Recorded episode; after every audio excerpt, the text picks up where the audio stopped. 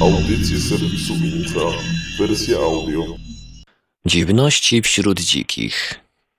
Podczas pobytu u prymitywnych ludów, antropolodzy stykali się niekiedy ze zjawiskami, które dla zachodniej nauki pozostawały i pozostają w sferze tabu.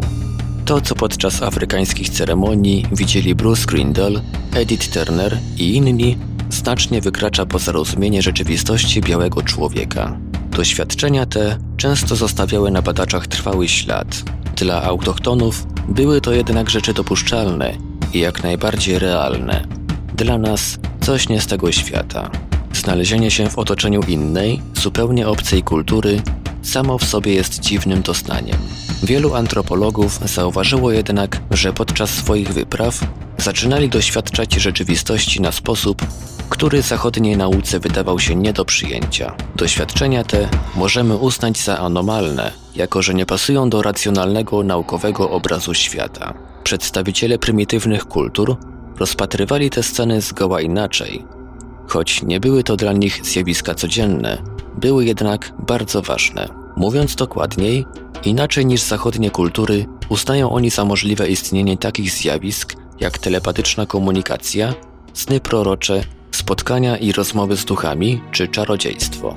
Wielu szanowanych antropologów podczas swej pracy zauważyło, że wystarczy zrobić kilka kroków w tył, aby doświadczyć innego pojmowania rzeczywistości, bez uciekania się do środków psychoaktywnych. E.B. Taylor, E.E. Evans Pritchard, B.T. Grindle oraz E. Turner doświadczyli tego na własnej skórze i zinterpretowali każdy na swój sposób. Analiza ich doświadczeń na temat spotkań ze zjawiskami nadprzyrodzonymi pozwala nie tylko zajrzeć w ich głąb, ale także zrozumieć stosunek, jaki ma do nich nauka akademicka.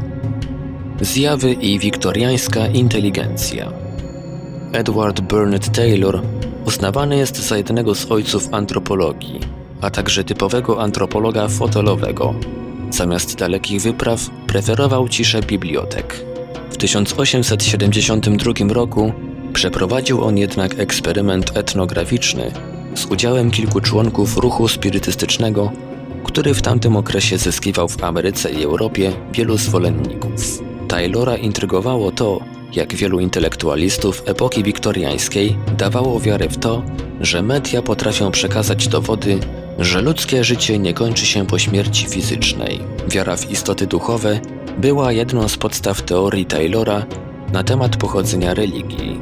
Sugerował, że powstała ona w sposób podobny do ruchu spirytystycznego, ponieważ uważał go za współczesną wariację wierzeń animistycznych, pragnął zobaczyć, jak rzecz ma się od strony praktycznej. Taylor zaczął badania jako sceptyk, przekonany, że medium spirytystyczne albo nadmiernie wierzy w swoje możliwości kontaktu z zaświatami, albo, co gorsze, umyślnie stara się wprowadzić w błąd ludzi zgromadzonych na seansie.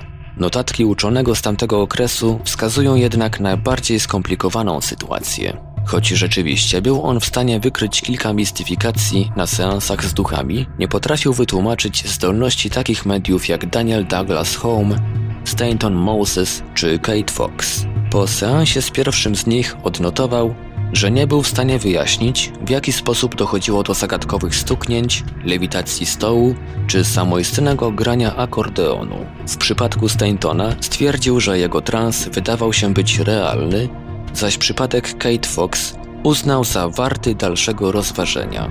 Poprzez doświadczenia z mediami uznał on, że nie da się zaprzeczyć możliwości, iż może istnieć siła parapsychiczna powodująca szuranie, poruszanie przedmiotów, ich lewitację, etc. Mimo tego nie uznał on, że publikacja tych obserwacji nawet w ramach pracy o animizmie jest konieczna. Wykazały one, że wiara w podobne zjawiska nie ogranicza się jedynie do dzikich, ale obejmuje także członków angielskich elit. W obawie o szyderstwa ze strony świata nauki, których doświadczył chemik Sir William Brooks po opublikowaniu wniosków na temat Daniela Douglasa Holma w 1874 roku, Taylor zdecydował, że o tym co widział mówić nie warto. Substancja czarownika. Na początku XX wieku antropologia była już nieco dalej niż w czasach Taylora. Bronisław Malinowski wyznaczył całkiem nowe schematy badań, rozwijając metodę obserwacji uczestniczącej stanowiącej do dziś filar etnografii. W 1926 roku Edward Evans Pritchard poproszony został przez rząd brytyjski o zbadanie ludu Azande, czyli Zande z południowego Sudanu, wśród którego żył przez cztery kolejne lata, uczestnicząc w miarę swoich możliwości w ich codziennym życiu.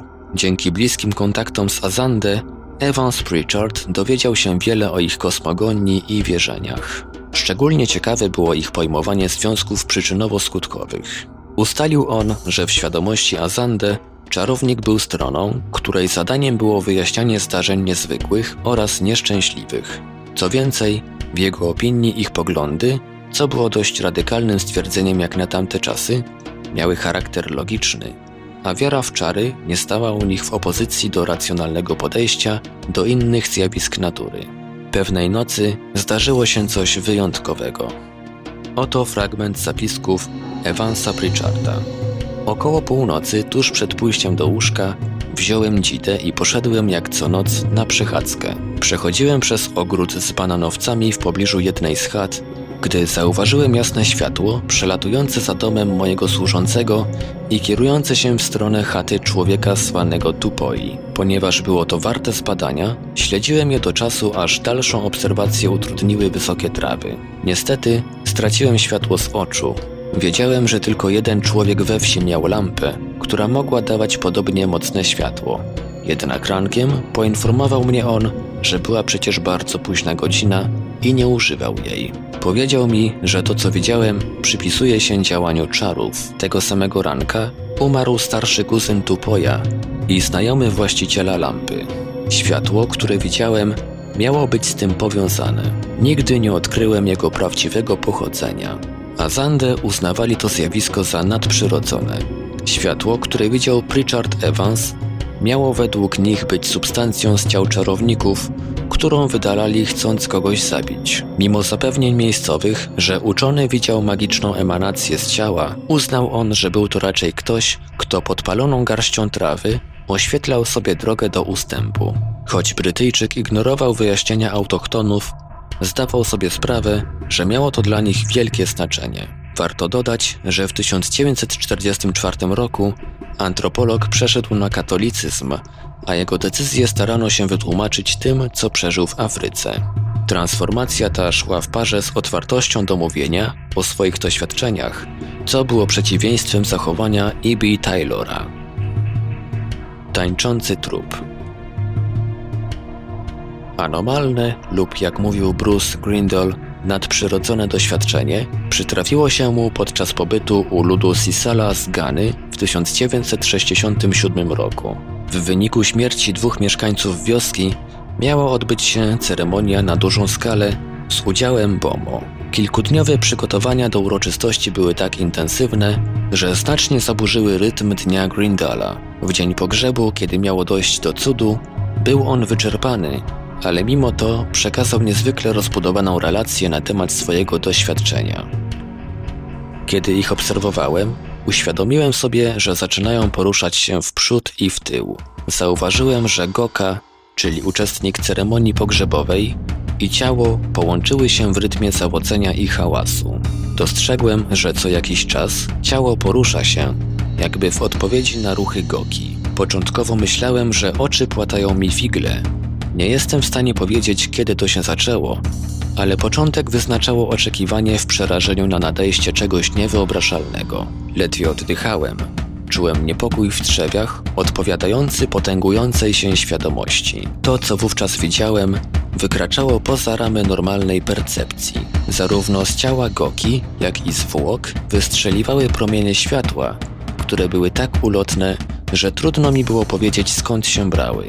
Goka uderzał o ziemię metalową motyką, a z jego ust strzelała naokoło ślina. Nagle iskry zaczęły sypać się z niego niczym z ogniska. Poczułem wtedy, że moja szczęka zacisnęła się, a po plecach przeleciały mi ciarki. Roztoczył się przede mną widok tak samo wstrętny jak i piękny.